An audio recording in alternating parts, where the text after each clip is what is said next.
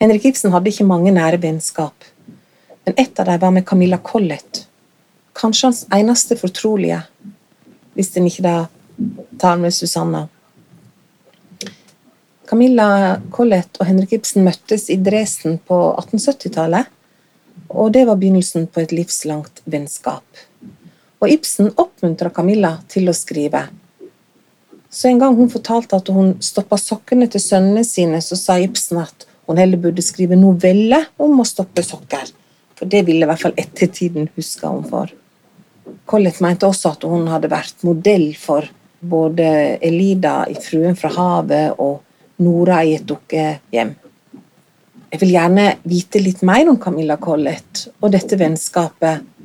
Og Derfor har jeg tatt kontakt med Marius Wulfsberg, som er forskningsbibliotekar på Nasjonalbiblioteket.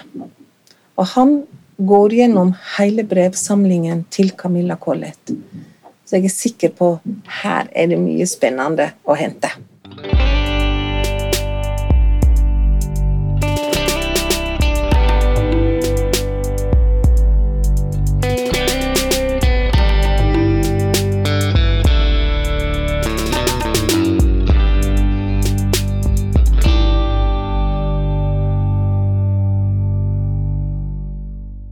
Da er det stor stas å ha deg, Marius Wulfsberg. Du har så flott navn! Det er litt sånn 1800-tallssvung over Wolfsberg. Ja, det er det. Det var eh, Wulfsbergere på 1800-tallet. I Ja. Kristiania. Boktrykkere, politimestere og kanskje også en og annen eh, universitetsbibliotekar, som det het den gangen. Hva vet jeg. Ja. Den mest kjente er jo Nils Wulfsberg, som grunnla Morgenbladet. Hei. Så du har stolte linjer bakover. det finnes flere historier om alle mennesker, også oss som heter Wulfsberg. Og det kommer an på eh, hvordan man ser på Nils Wulfsberg. Men i familien så er han en helt. Ja. Eh, Går man til eh, patriotene, så hadde han et altfor nært eh, samarbeid og stor beundring for svenskekongen. Men du er altså forskningsbibliotekar på Nasjonalbiblioteket. Ja, eh, det er tittelen min. Eh, forskningsbibliotekar. Eh, vi har på en måte to titler. Forskningsbibliotekar skråstrek førsteamanuensis. Og det førsteamanuensis sier vel litt om utdannelsen min. Da, kanskje mer om utdannelsen min enn forskningsbibliotekar. For jeg er ikke utdannet bibliotekar. Eh, Men jeg er utdannet litteraturviter og har en doktorgrad i litteraturvitenskap. Så jeg jobbet i mange år som forsker ved Institutt for litteraturvitenskap ved Universitetet i Oslo. Da. Og eh, via noen omveier så eh, fikk jeg jobb på Nasjonalbiblioteket i 2010, tror jeg det var. Og har da siden jobbet som forskningsbibliotekar der. Hva gjør en forskningsbibliotekar, da? Jeg kan fortelle, Det startet med at jeg og min gode kollega Trond Haugen delte inn den norske samlingen som vi har ansvaret for, mellom oss, samt Sverige og Danmark. Fordi det vi har, er liksom en sånn overordnet ansvar for en stor boksamling. Sant, som strekker seg fra 1500 til i dag. Så da delte vi den århundrene mellom oss eh, for liksom hvem som skulle ha ansvaret for det. da. Eh, og jeg endte opp med å ha ansvaret for norsk litteratur fra 1850 og frem til i dag. Trond hadde også ansvar for det etter 1950, for vi er begge opptatt av samtidslitteratur. Men det var liksom det første vi gjorde. Men det er jo bare en formell oppdeling. Vi samarbeider tett om å Vi har lagd utstillinger, vi holder foredrag, eh, vi bistår forskere som arbeider med denne samlingen. Ikke i kraft av at vi kan det de forsker på. eh, For det er ikke sånn at vi forskningsbibliotekarer kan alt. Men vi kan jo hjelpe dem med å finne frem til det materialet de skal forske på. Og komme med innspill om kanskje andre ting og relevante ting ut ifra liksom, å orientere oss i samlingen. Så det er liksom det forskningsbibliotekarer har, det er at de jobber med et materiale. Det kan være, som i mitt tilfelle, da, bøker i hovedsak.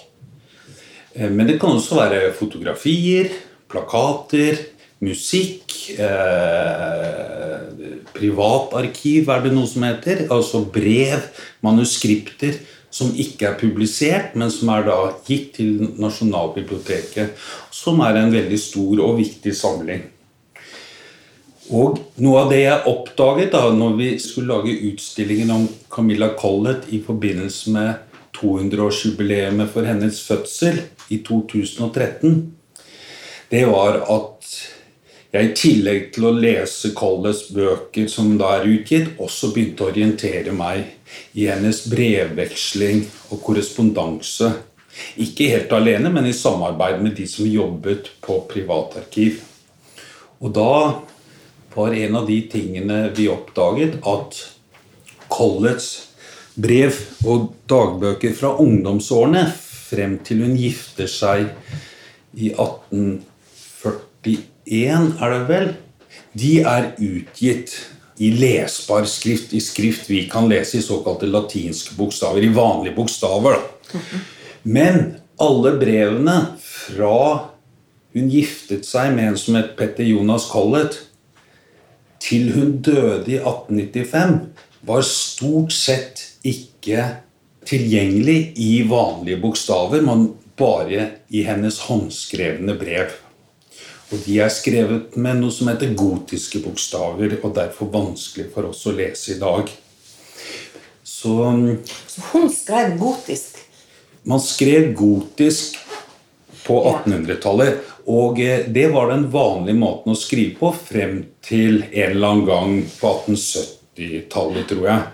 Da begynte man å skifte til såkalt latinsk håndskrift, slik vi Vår håndskrift i dag er latinsk. Ja. Men eh, gotisk var den måten man lærte å skrive på. Og også i eldre bøker da, fra 1800-tallet så finnes det noe som heter, heter gotiske trykkbokstaver. Mm. Trykkfraktur heter det. Og det er også noen ganger vanskelig å lese, men det var det vanlige folk kunne lese. Og så var liksom latinske eh, trykkbokstaver det var litt mer moderne, da. Og litt mer fjongt, eh, kan du si. Fordi det var det ikke alle som kunne lese. Nå kjenner jeg ikke, Ibsen var jo en av de som skiftet fra gotisk til latinske bokstaver, både i håndskriften, tror jeg, og i bokutgivelsene sine. Så han var veldig oppmerksom på det. Ja, for han og Bjørnson kom ut med bøker samtidig, og Bjørnson kom jo med gotisk, mens eh, Ibsen hadde det latinske. For nå er vi jo begynt på denne podkasten uten å fortelle om hva vi skal snakke om i dag. Eller dere har kanskje skjønt det, at det er jo Camilla Collett som er i fokus i dag. Og det er jo derfor du er her, Marius. Fordi at jeg har vært på et foredrag, eller flere foredrag på Nasjonalbiblioteket. Og da, det her er et par år siden, og da hørte du snakke om Camilla Collett. Og det syns jeg er fryktelig fryktelig spennende. Både for at det er Camilla Collett, eh, men òg fordi at de fleste oppfatter jo Ibsen som litt sånn murt og stille, og ikke akkurat en som åpner seg, da. Men vennskapet mellom Camilla Collett og Henrik Ibsen, det var jo veldig spesielt. Eh, Camilla Collett tror jeg var en av hans nærmeste venner. Og jeg har et brev her, kan jeg bare få lese litt av det? Gjerne. Dette her skrev Ibsen i München 3. mai 1889. Kjære fru Collett, jeg vet ikke hva de må tenke og tro om meg, som nå i over to måneder har latt deres dype og innholdsrike brev hvile uten at give livstegn fra meg. Men det kom nettopp på den tid så meget imellom. Så meget er helt holdt meg borte fra skrivebordet. Først måtte jeg til Berlin, og deretter ganske uventet til Weimar. Først nå kan jeg si at jeg kan, er kommet sånn noenlunde til ro igjen. Ja, Det var høflighetsfrasene. Og så skriver han her. Tillat meg da derfor i dag med et par ord at sende dem min hjerteligste takk for den forståelse som fruen fra havet har funnet hos dem. At jeg nettopp fra dem først og fremst turde påregne en sådan forståelse, følte jeg meg jo på forhånd så temmelig forvisset om. Men det gledet meg dog usigelig at få dette håp bekreftet således som jeg fikk det gjennom deres brev. Ja, der er berøringspunkter, mange endog så, og de har sett dem og følt dem.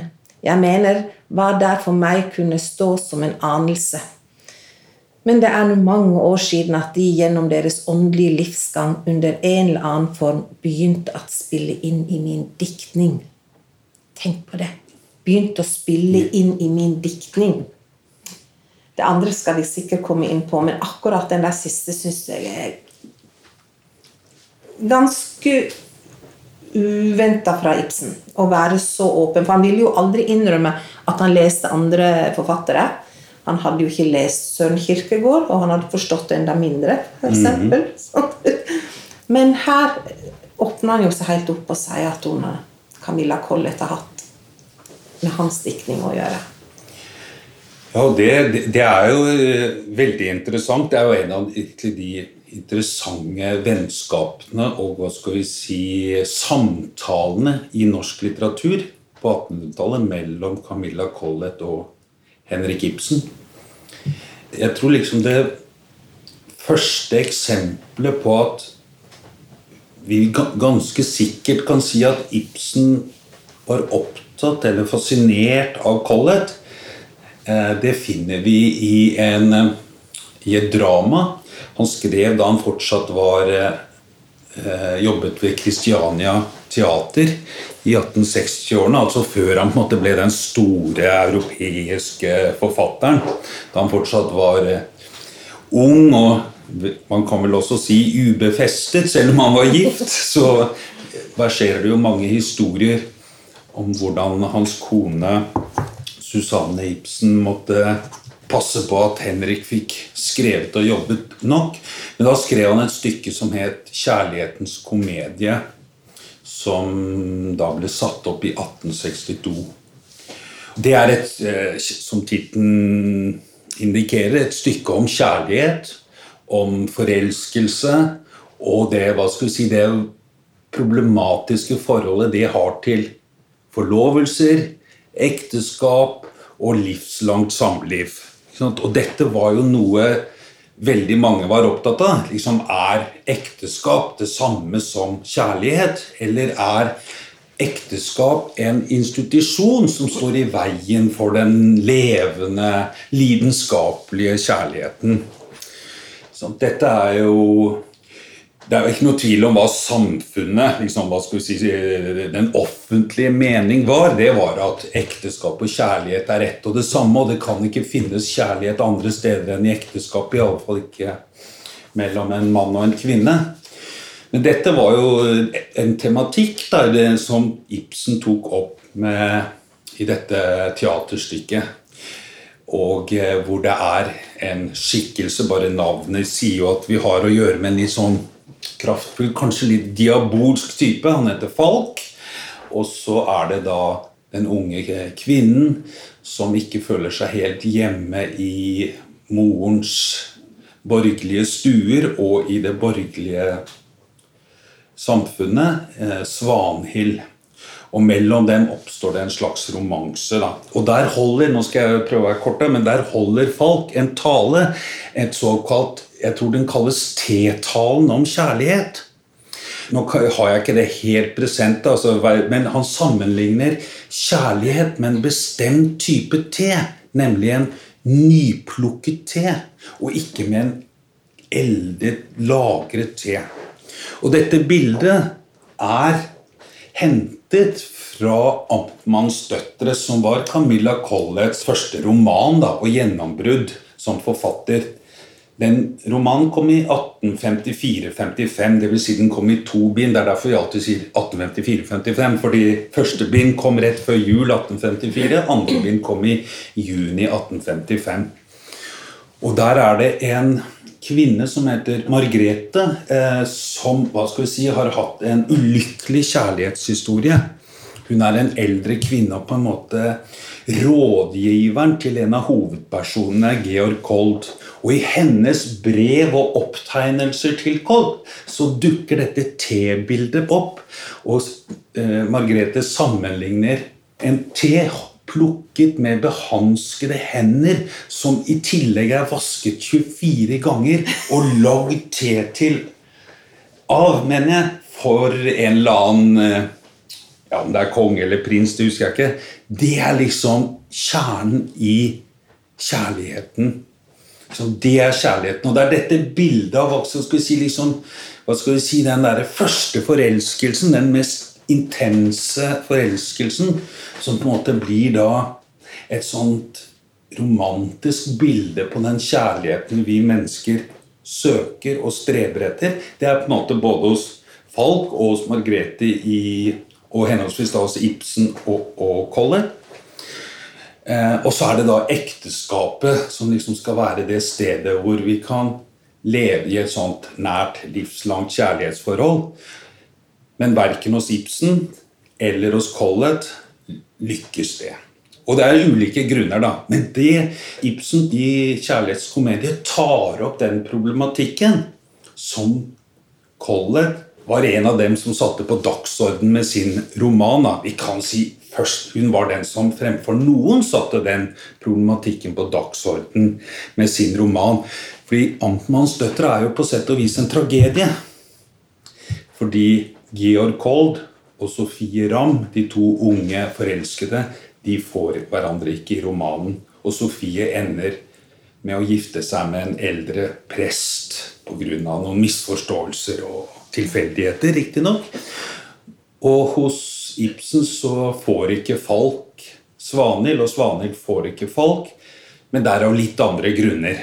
Det er liksom det første stedet man kan gå inn og så diskutere forholdet mellom Ibsen og Collett, og hvordan dette, hva skal vi si denne samtalen, eller inspirasjonen dem imellom, oppstår. Men Tror du det Ibsen har kalt kjærlighetens komedie For det er jo ikke en komedie, vil vi kanskje si, når vi leser 'Kjærlighetens komedie'. Det er jo ikke en komedie, er det det? Eh, litt usikker der. Men tror du han har kalt det for 'kjærlighetens komedie' for å lage eh, ikke et motstykke, men en eh, jeg vet ikke hva jeg skal si, en, en linje til Amtmannens døtre, som du sier er en tragedie, da? Eller tror ikke du den har vært der? Altså, jeg tror ikke um, Ibsen liksom satte seg ned og tenkte nå skal jeg skrive et drama over samme lest som Camilla Colletts roman. Men det finnes både sånne tematiske slektskap og det finnes også liksom helt ned på enkelte av verselinjene.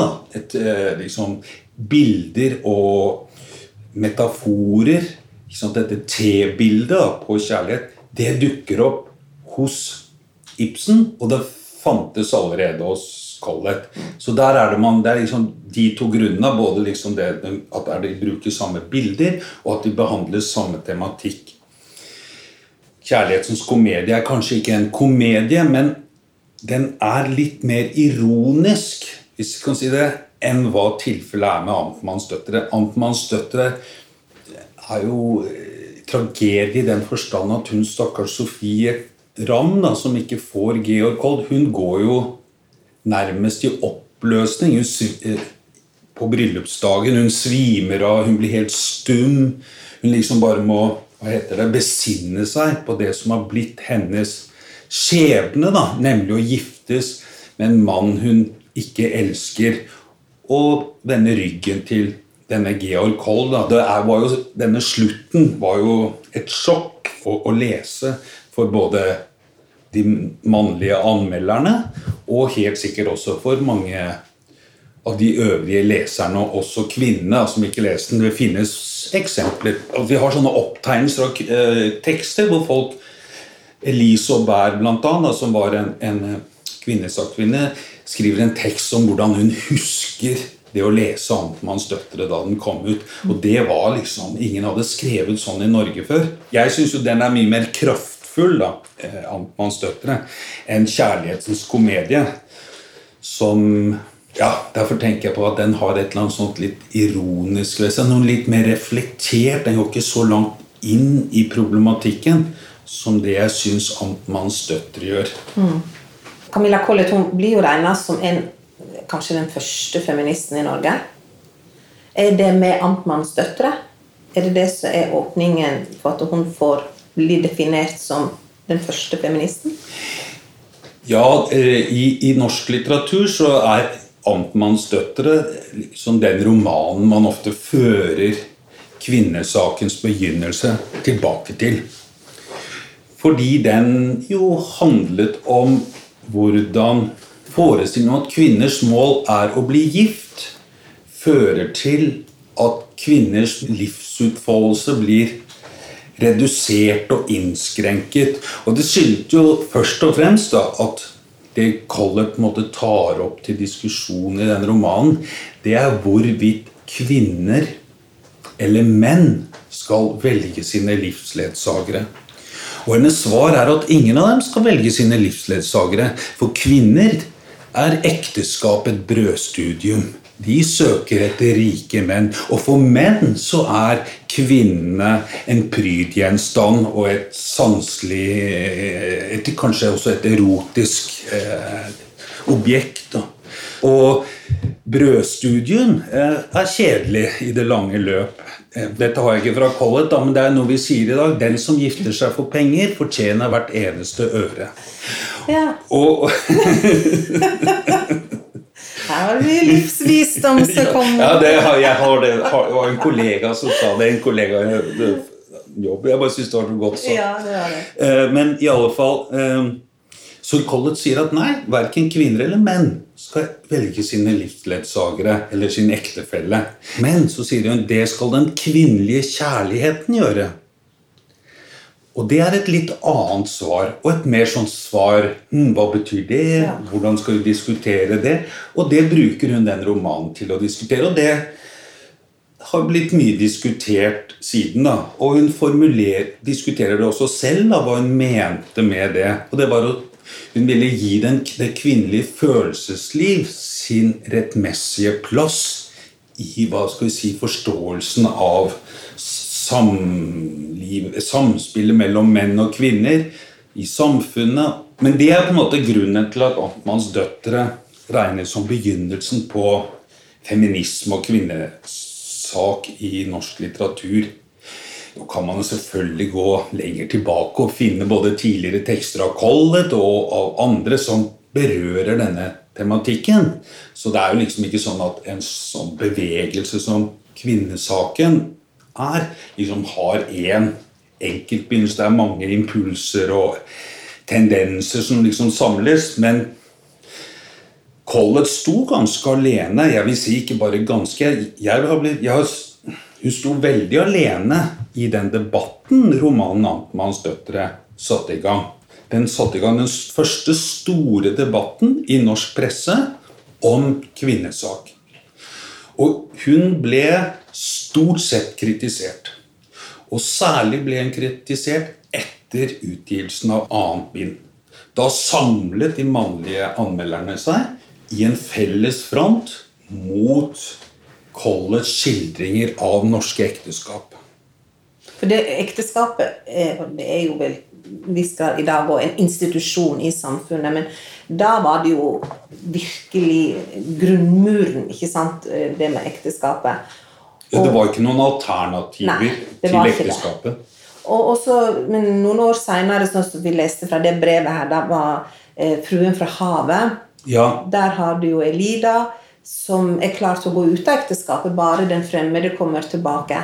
Og så kommer den fremmede tilbake og sier 'kom med meg', og hun er jo klar til å kaste alt fra seg og følge han. Helt til mannen doktor dr. Wangel, sier 'så velg da under frihet og ansvar'. Og da blir hun, ikke sant? For det vil hun ikke kunne få hos den fremmede.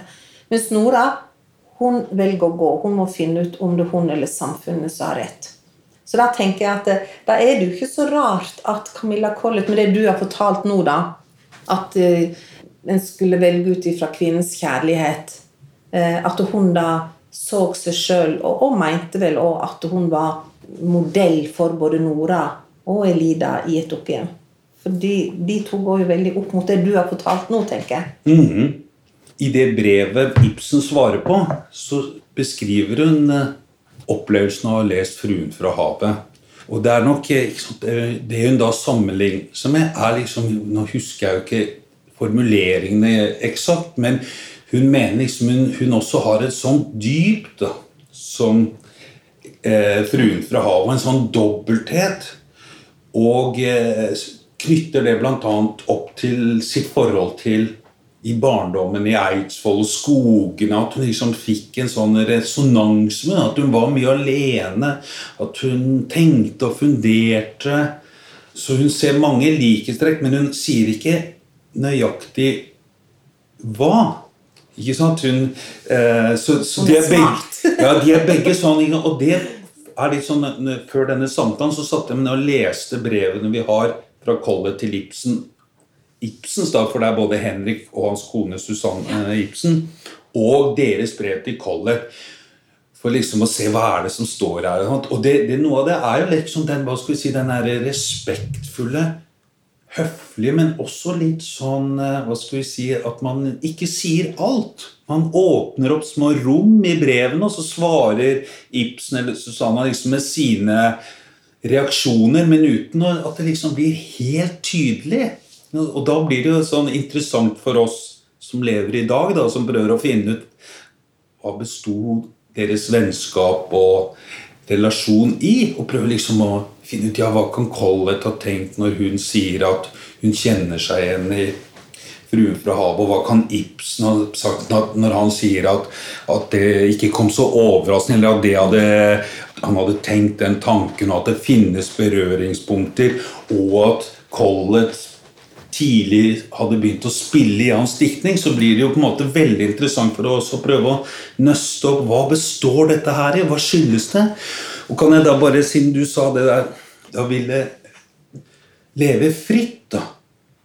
Og det er også noe Collett strebet etter, tror jeg, hele livet. Det tror jeg er den sterkeste drivkraften i Colletts liv. Og så vidt jeg vet, da hun første gang man finner virkelig formulerte dette, eller satte det så å si på spissen, det er etter at hun ble enke i desember 1851. Men hun var ganske ung når hun ble enke. Ja, da det burde jeg 51. Da var hun jo 38 år gammel. Ja, hadde fire gutter. Hadde fire gutter. Robert, Oskar, Alf og Emil. Og de skulle hun forsørge.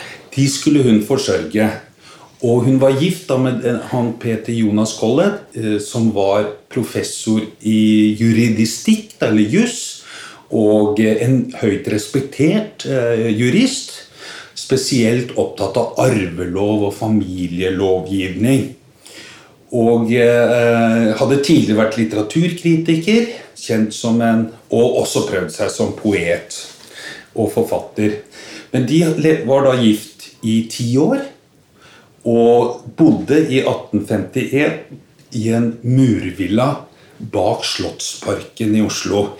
Hvis man går den parkveien nå, så er det den Parkveirestauranten. Jeg husker ikke akkurat nummeret, men på enda der det er et kaffebrenneri, og så er det Jan Thomas. Jan Thomas, og mellom der Rett innenfor Jan Thomas så ligger Camillas hotell. Ja. Der I det huset bodde Camilla Collett og Petter Jonas Collett og barna fra 1847 inntil de kjøpte en eiendom bak der og fikk bygget sitt eget murhus. og bodde, Der bodde de i to år før Petter Jonas Collett døde. Og han døde brått. Han ble syk 2.12. og døde 18.12. Så det kom brått på. Men da befinner Collett seg i det hun kaller sorgens festdager. Det vil si at hun prøver å komme i besinnelse over det tapet som har rammet henne, men hun har ennå ikke greid det. Sorgens festdager. Det kaller hun det. Fordi da får man fortsatt masse oppmerksomhet. Man er omgitt av mennesker som trøster en. Folk syns synd på en.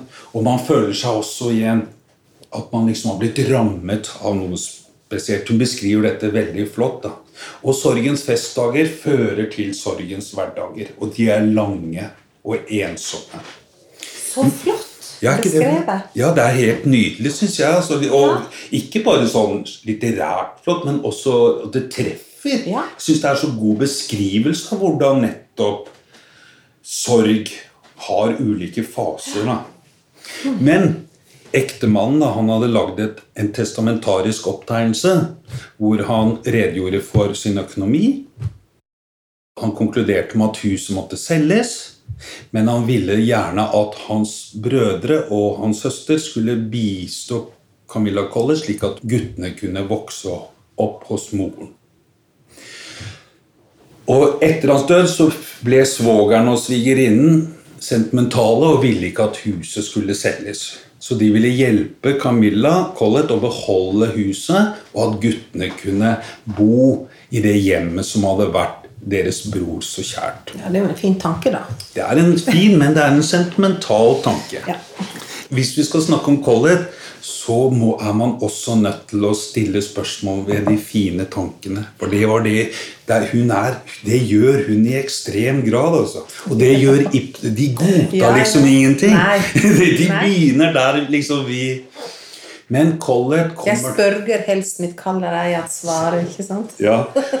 Men iallfall i et brev til en av svogerne, den viktigste, han som måtte være familiens representant, så sier hun at hun vil selge huset, kvitte seg med alt sitt innbo, også det som har vært henne aller kjærest, og om nødvendig gi fra seg en av barna. Fordi hun vil være fri i alle sine handlinger, og hun sier at det er noe hun må gjøre. Og hun, for at hun skal bære, kunne bære det livet hun ser for seg som enke, så kan hun ikke stå i gjeld til noen. Derfor takker hun nei til all hjelp, og da bestemmer seg for å selge huset og bryte opp, oppløse familien og flytte til København. Og der skriver hun ferdig amtmannsdøtre. Men det er ganske altså Nå er jo jeg mor sjøl, og da, ikke sant? nå blir jeg jo helt der. Men å gi fra seg et barn for at du sjøl skal bli fri, det er ganske sterk kost, dette her. Det er sterk kost. Eh, absolutt. Det er, jeg er far. Men iallfall Ja. eh, Men det er liksom det valg? Det er jo det at så viktig var det for Collett å være fri i alle sine handlinger. Men ga hun bort et barn, da? Robert, eldstemann, ble tatt opp som pleiesønn hos Johan Christian eh, Collett og hans kone Johanne Kristine, tror jeg hun het. Er onkel og tante? onkel og tante ja, Ja. som bodde i Pilestredet. Så han bodde hele tiden her. Og ingen har skildret det å gi fra seg barn sårere enn Collett. Eh, Hun gjør det. Det er så, så Den teksten slutter med da hun skildrer hvordan hun ga fra seg Robert. Han får aldri mer å gjenfinne han, slik jeg mener. Og det var at han ble henne fjern og fremmed. da. Men det er også Robert Colletts selvbiografiske opptegner starter med farens død, at moren satt igjen, og at han ble tatt opp som pleiesønn hos amtmann Johan Christian Collett. Så dette her er en hendelse som både preget Camilla Collett og Robert og barna, det syns jeg går tydelig frem av deres brev og av Robert Colletts selvbiografiske opptegnelser. Men for tilbake til Ibsen. Han er jo en forfatter som kanskje særlig, kanskje mer i Et dukkehjem og Fruen fra havet går inn liksom og skildrer Ja, hva skjer hvis vi vil være frie? Det høres flott ut å ville være fri, men kan vi være det? Hvilke omkostninger har det? Og at samtalene med Camilla Collett gjennom da nesten 20 års vennskap har vært med på å forme Ibsens forståelse av dette, syns jeg er ganske tydelig både i korrespondansen dem imellom, og det vi vet om hva de syntes om hverandre i de ulike fasene, og av Ibsens stykker, selvfølgelig, eh, fra et dukkehjem og fremover. Og av Camilla Colletts egne tekster og essays hvor hun skriver om et dukkehjem, gjengangere og jeg vet ikke om den fruen fra havet om det bare er i et brev, eller om hun også nevner den i en av essayene sine. som hun Og så har publiserte. hun tatt for seg Solveig i Per Gynt, da. Og Solveig i Per Gynt, ja.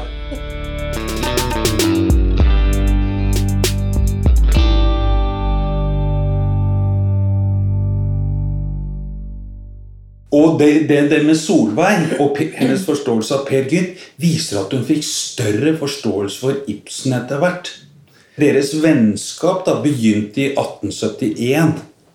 Da drar Camilla Collett, som ikke lenger har noe hjem. Hun, reiser, hun er en nomade. Bor i København, Paris, Berlin, Roma Ja, det er det jeg lurte på. Han dro hun med seg tre barn rundt om i Europa på For hun var jo veldig mye på reise. Hun var veldig mye på reise. Og jeg jobber jo med brevene, så jeg, jeg går liksom gjennom livet hennes måned for måned. da. Og hun, når hun dro ut på disse reisene og bodde på kontinentet, da, da hadde hun ikke med seg barna. Da var barna blitt store. Oh, ja. For i perioden 1852 til 1863 Jeg kan også snakke om Collett som mor, mor men, så, men så bodde hun i København, og Kristiania hadde omsorgen for Alf og Emil, men også Oscar. Når hun gir fra seg Oscar i 1855, så er det etter mitt skjønn etter tydelig press fra svigerfamilien. Fordi Collett tror jeg var hun hadde no, noe av det De kaller det raptuser i brevvekslingen mellom svogerne. Og hun hadde også en plan om å ta med seg barna, jeg vet ikke om det inkluderer Robert eller bare de tre, til København og bosette seg der. Husk på at barna var ikke bare hennes, de var også svogeren sin. De var barnas verger, de var ektemannens representanter. Collett kunne ikke bare overse og overhøre deres synspunkter, så hun måtte forholde seg til dem. Og dette her er det jo Ibsen skriver om i et dukkehjem. ikke sant? Først var jeg min fars dukke, og så ble jeg din. Så gifte kvinner de hadde jo ikke de rettighetene som faktisk ugifte kvinner hadde.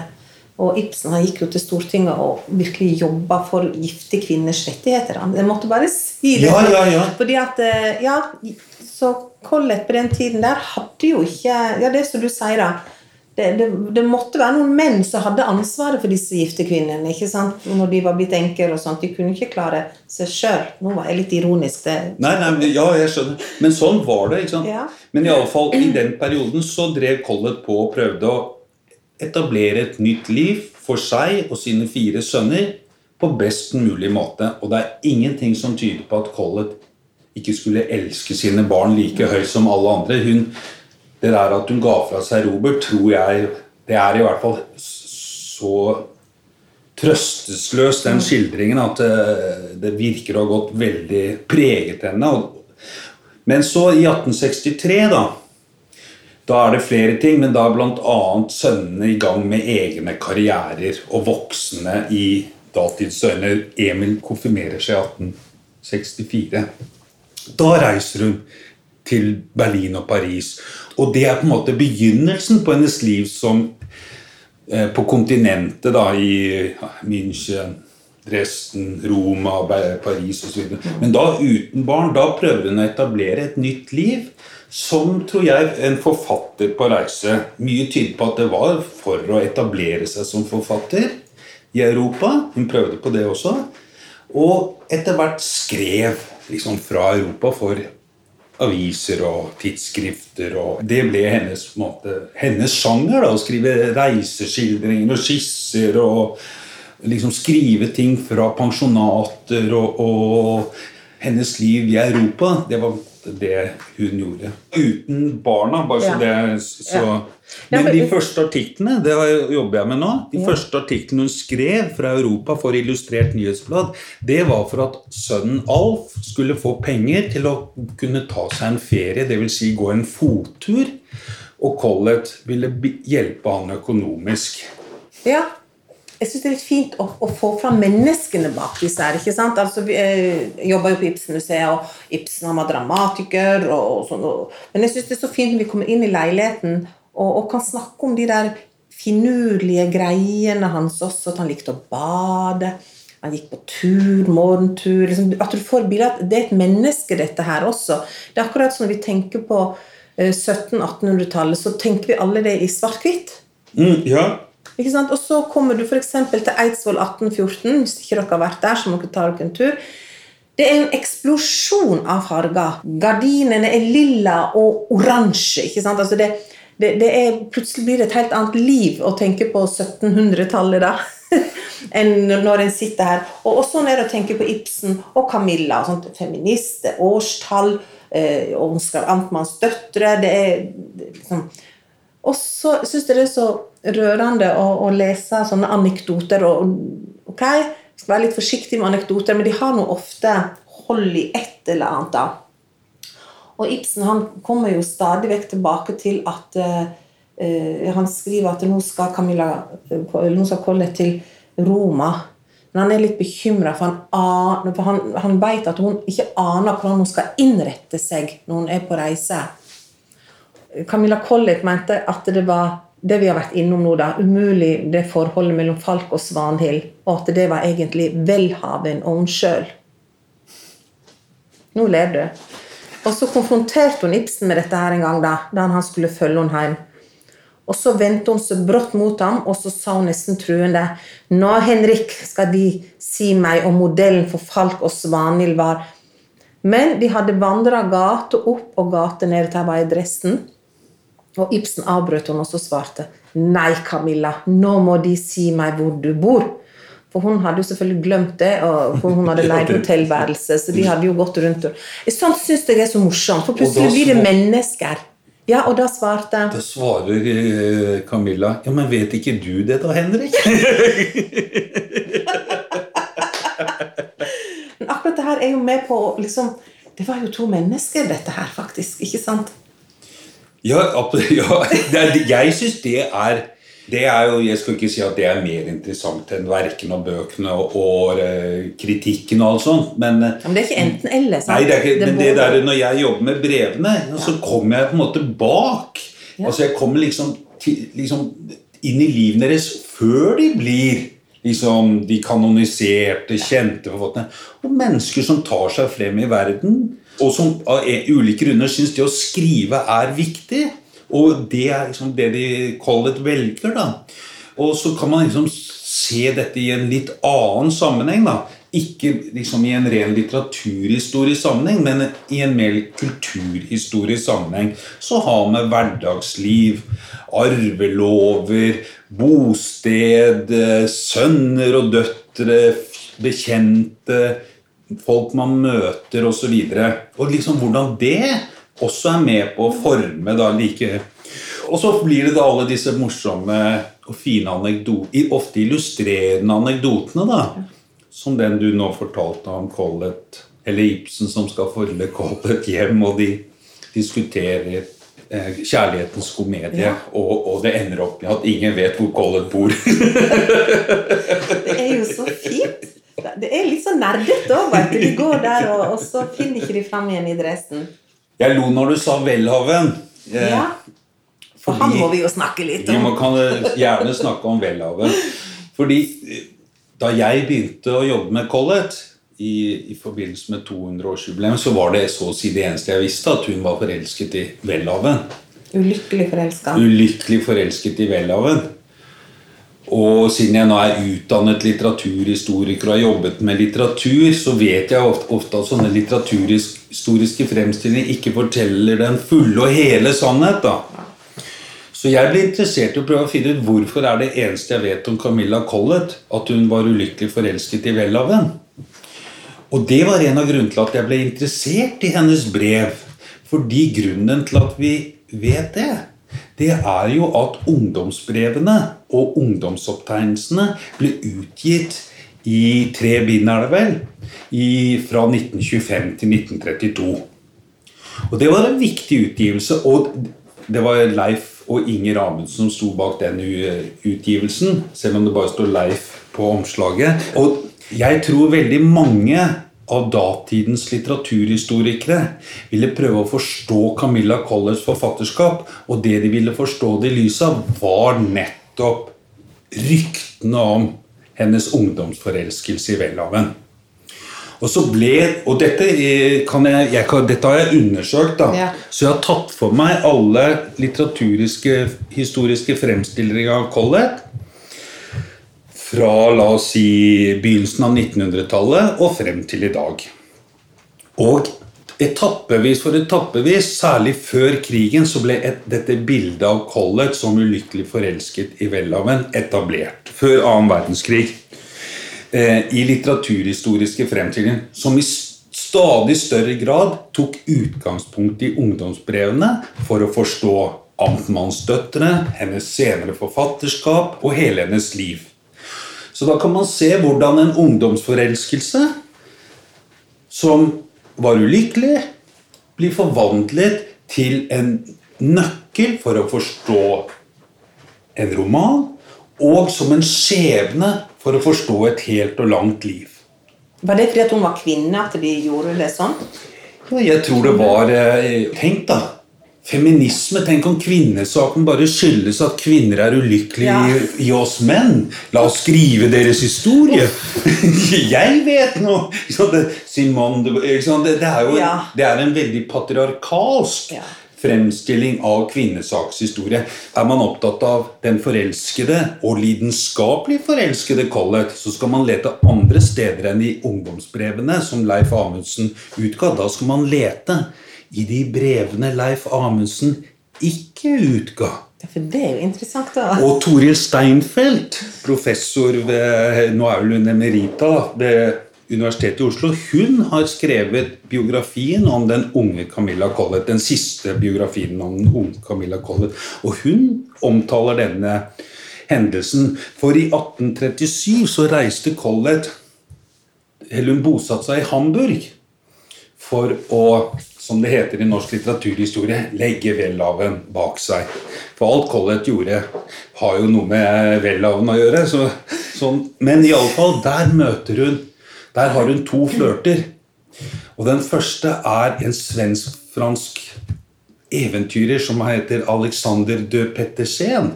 De har en veldig lidenskapelig korrespondanse. Altså, de virkelig sitrer av eh, kjærlighet og erotisk kjærlighet og planer og drømmer og forestillinger.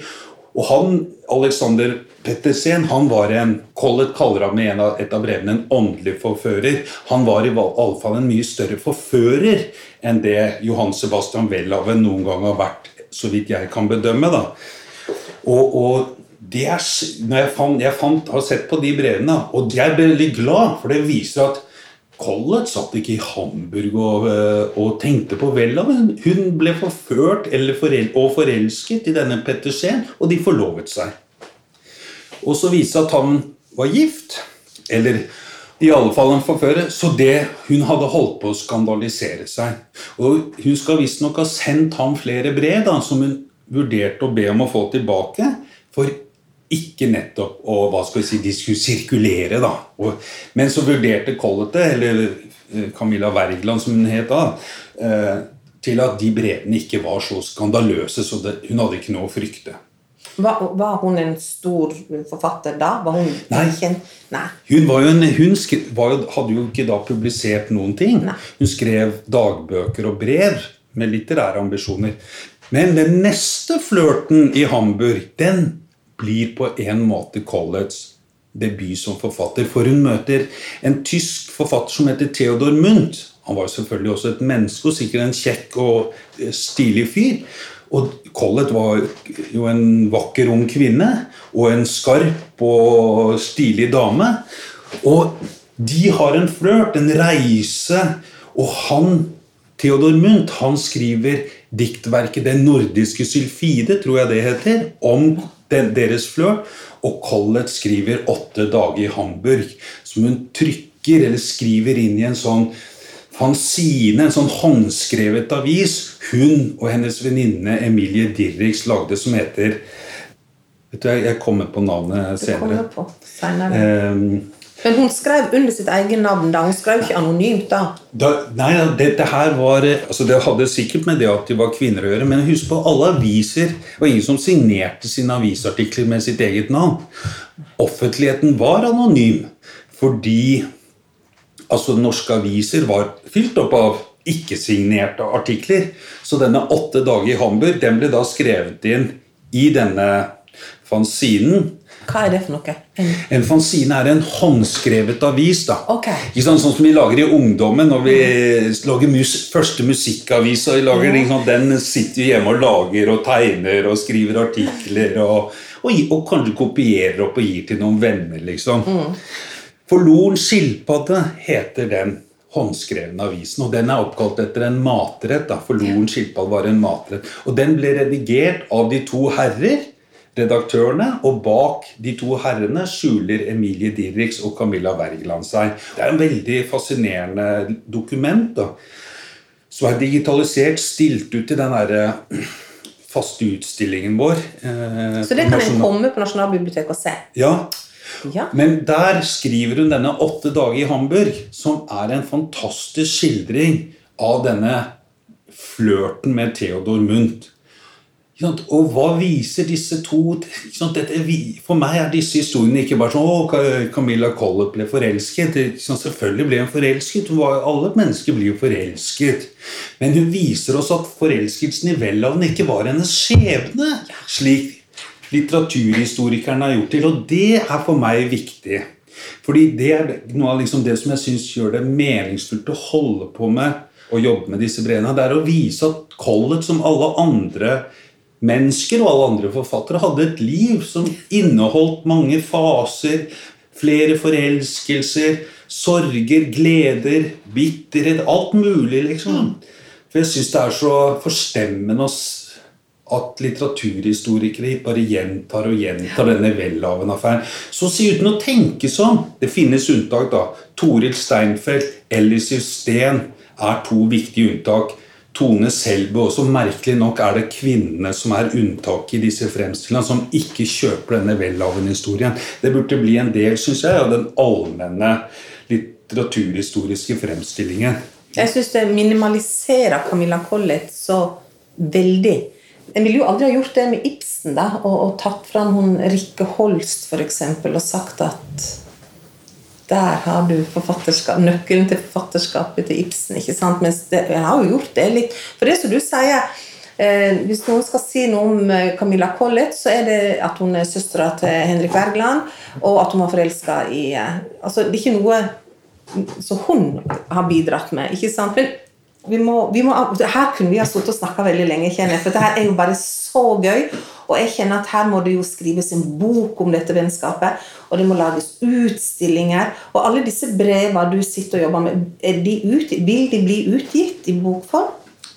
Ja, altså når vi utgir disse brevene digitalt Ja. eh, Kunne jo vært bøkene. I dag er det liksom digitale utgivelser på noe som heter bokselskap.no. Eh, Der kan man søke på Camilla Collett, og så finner man alle brevutgivelsene våre.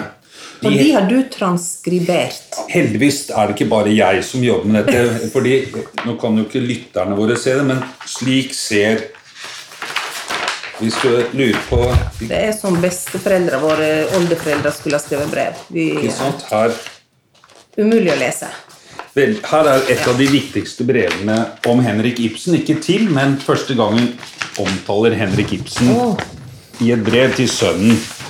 Merkelig brev, har noen skrevet på det. Men du ser håndskriftene. Det tar litt tid å tyde dette. Ja, det er en utdannelse. Det, og dette er da gotisk håndskrift. Og det er det en som heter Mette Witting, og flere andre, eh, som jobber med å altså overføre til latinske bokstaver, dvs. Si transkribere.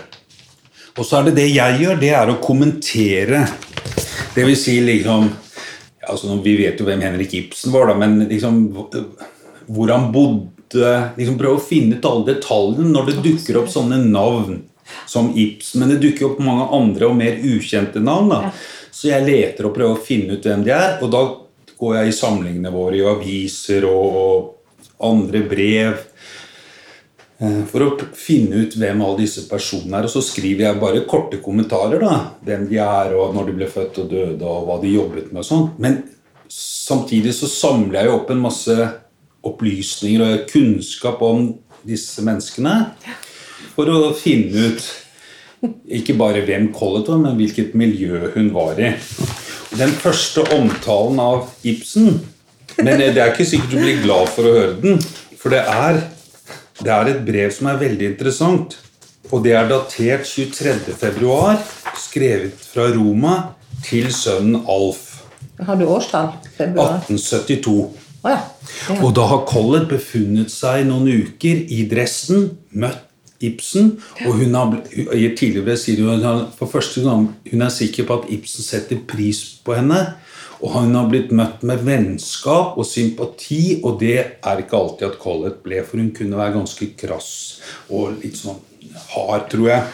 Så da, da vennskapet er, har oppstått, men hun er også litt sjokkert over at Ibsen er, som hun skriver Hos ham finnes det noe utilbøyelig isbreaktig. Dermed all hans eminente begavelse ikke har kunnet tøe opp eller tine opp. Han er fra topp til tå egoist og despot. Og navnlig er han dette som mann like overfor kvinnerne.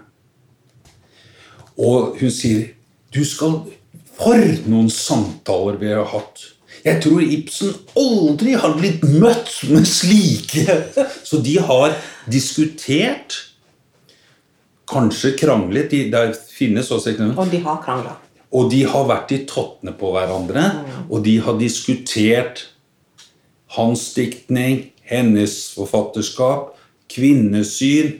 Collett oppfatter han som helt avvisende overfor det hun tenker. Og eh, hun kritiserer Per Gynt og Brandt, særlig i dette brevet. da.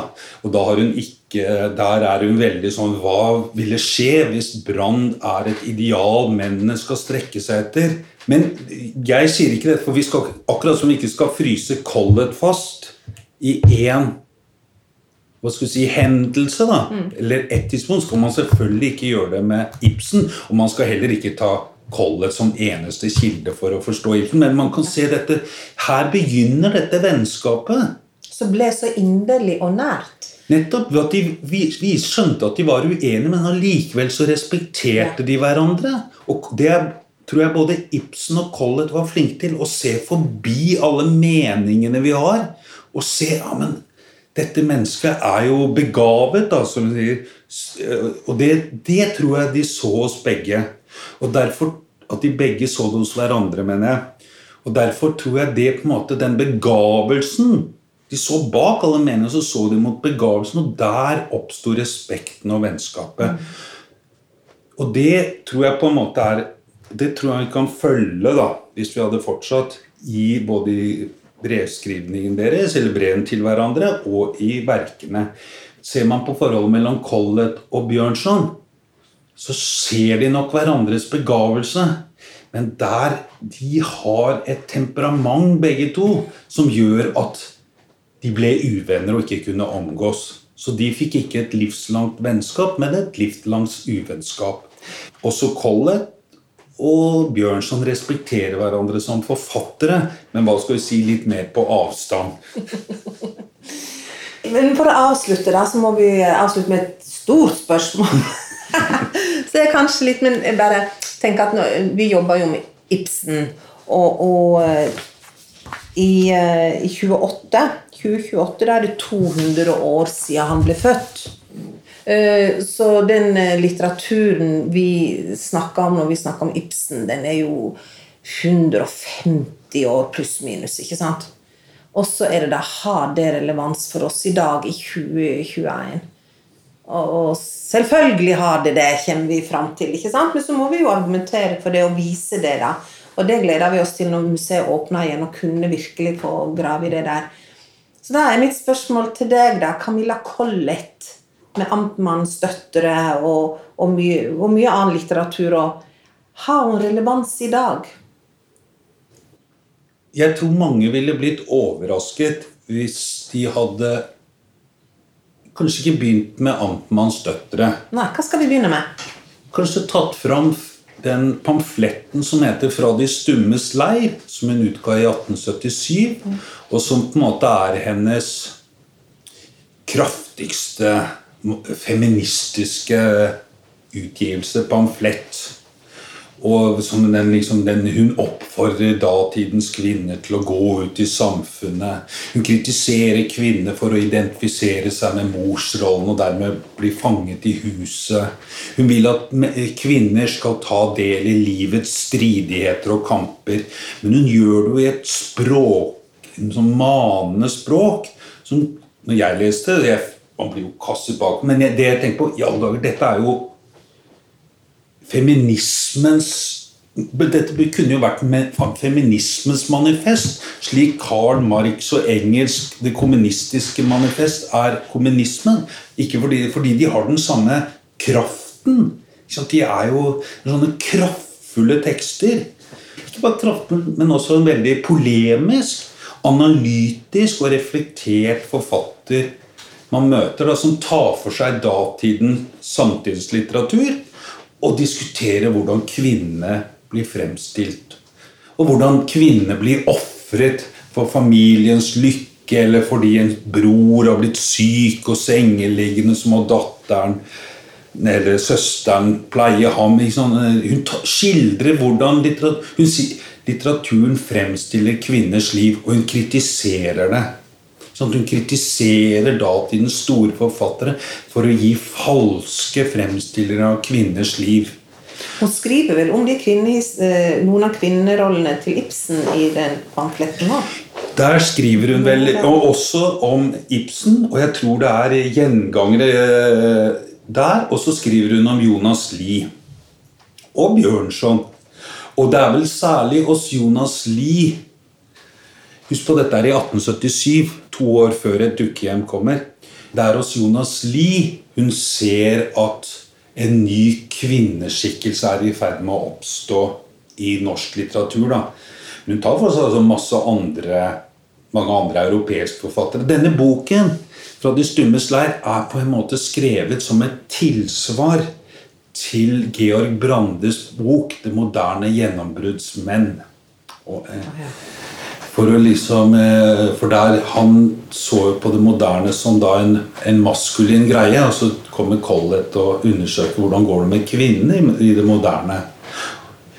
Men i alle fall, uavhengig av om vi ser det, så er liksom den, når jeg leser den teksten, så tenkte jeg du verden, hvordan kan denne teksten Hvorfor har vi ikke en ny utgivelse av denne boka? Eh, hvorfor har Den ble utgitt i 1877 og har nesten ikke kommet siden annet enn i disse samleutgavene. 1905 var kanskje sist, eller 1913. Er dette digitalisert hos dere? Ja, den er digitalisert. Men slik jeg ser det, så er jo feminisme en av de frigjøringsbevegelsene fra 1800-tallet som på en måte fortsatt har kraft og styrke i dag. Sånn den tar fortsatt nye former.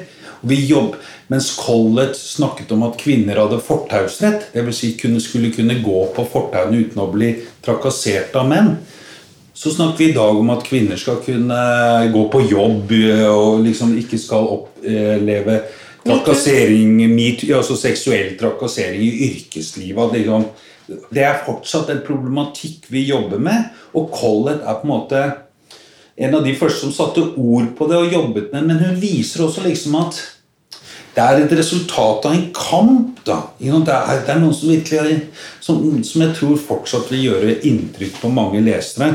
Så jeg har ofte lurt på hvorfor den ikke trekkes oftere frem. da. Det er en av mine favorittbøker, må jeg si. Og du sier at det er en kamp vi har fortsatt. Og sånn er det jo med Ibsen sine bøker. Også. han skriver jo om relasjoner, og det blir vi jo aldri ferdig å snakke om. Men, og problematikk og og det, jeg syns på mange måter det er litt trist at de er fortsatt relevante pga.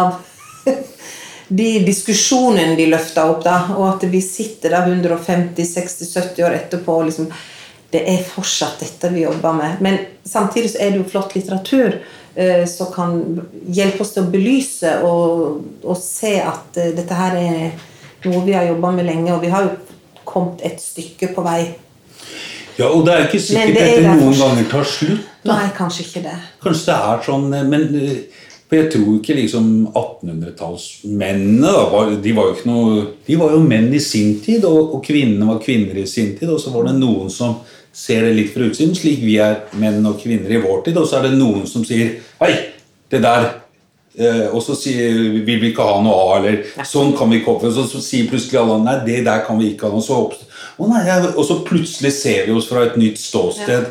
Sant? Og sånn driver vi på. Så, og så vil, sånn vil vi bare fortsette å liksom oppdage nye sider ved oss selv og tilpasse oss. Og, men da kan vi lære av de som har levd før oss. da. Og, og Collett baserte jo sin feminisme og kvinnekamp på det hun kalte fellesforpliktelsen. For den angikk menn som kvinner. Eh, og var ikke, slett ikke bare kvinnenes sak, var, det var også mennenes sak. da. Ja, Hun sier det verste som kan skje, er at den faller bare i kvinnenes hender. fordi da, eh, Det er ikke sånn at kvinner er feminister. Eh, for Collett. Feminisme er et ståsted. Et ideologisk ståsted. Mm for å se noen ting på bestemte måter. Og det var jo det Ibsen sa, at når han ble konfrontert eller spurt om dette med kvinnenes sak, så har jo han visstnok sagt at han skjønte seg ikke på kvinnesak, han skrev om menneskesak. Nettopp. Jo, da, her kunne vi fortsatt. Jeg kjenner det. at det, det vil jo ikke slutte, dette her. Men vet du hva? Kanskje vi kan ta opp uh, Camilla Collett og Henrik Ibsen senere en gang. Og fortsette del to. det kan vi gjøre. Men tusen takk for at du tok deg tid eh, i midten av juli. For det er midt i sommersesongen, og det er godt og varmt her inne. Men tusen takk, Marius, for at du kom til Ibsen salong. Tusen takk for å bli invitert og for å ha en interessant og hyggelig samtale.